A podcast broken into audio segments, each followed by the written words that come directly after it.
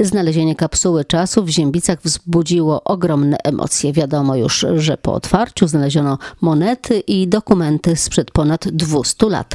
Jest to jedna z najstarszych kapsuł odnalezionych w Polsce.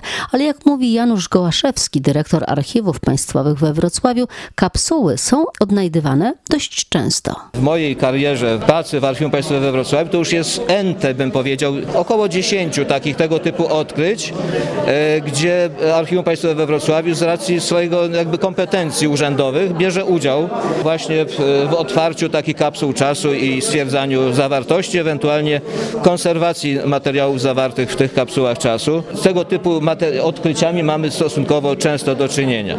Jeżeli chodzi o e, analizę zawartości, e, nie jest ona jakoś e, nadzwyczajnie unikatowa. Jest dość typowa dla, dla, dla właśnie dla kapsuł czasu, jakie umieszczano na szczytach wież kościołów, budowli sakralnych, ale także publicznych.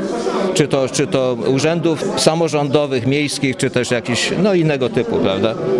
Pojawiały się takie spekulacje, że to może być najstarsza kapsuła na świecie. Pan też tego oczekiwał? No nie, raczej tu miałem stonowane oczekiwania i, i chyba lepiej na tym wyszedłem, bo mniej emocji w to wkładałem.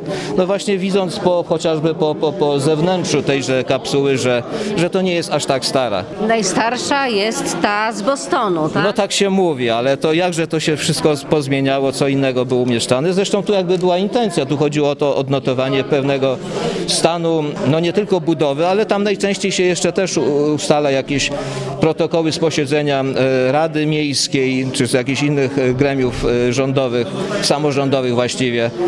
Mówi się o finansach z ówczesnego czasu, o- jakichś ewentualnie wydarzeniach dużej rangi typu zawarcie pokoju, wojna, czy też, czy też ewentualnie o zarazie. Jakże to aktualne dzisiaj, prawda? Niezależnie od tego, że ta kapsuła nie jest najstarszą na świecie, to jak ocenia Pan to znalezisko? Czy można mówić, że to jednak jest skarb?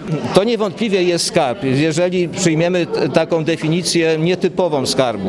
No bo czy, czyż, tak to powiem, zaapeluję, czyż dokumenty, które świadczą o budowie no jednej z istotniejszych, e, z jednych istotniejszych dla dziejów miasta budowli, dokumentują właśnie ten proces e, powstawania takiej budowli, nie są skarbem dla mieszkańców, no są, więc tutaj trzeba w takich kategoriach to oczywiście traktować, ale jeżeli weźmiemy definicję skarbu taką typową, że to jest gdzieś jakieś brylanty, złoto, no to nie.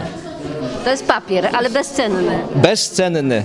Bezcen. Nie ma ceny, nie możemy tego sprzedać, kupić, nie powinniśmy przynajmniej. Niestety zdarza się, że jest to obrotem y, jakichś transakcji handlowych, można to spotkać na giełdach y, staroci, można spotkać to y, w antykwariatach, ale nie powinny być. One powinny być zabezpieczone troskliwie i przechowywane w archiwach państwowych, bibliotekach, które mają specjalne prawa do przechowywania tego typu dokumentacji.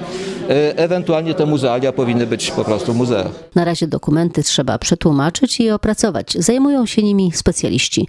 Do rozmowy wrócimy za kilka minut.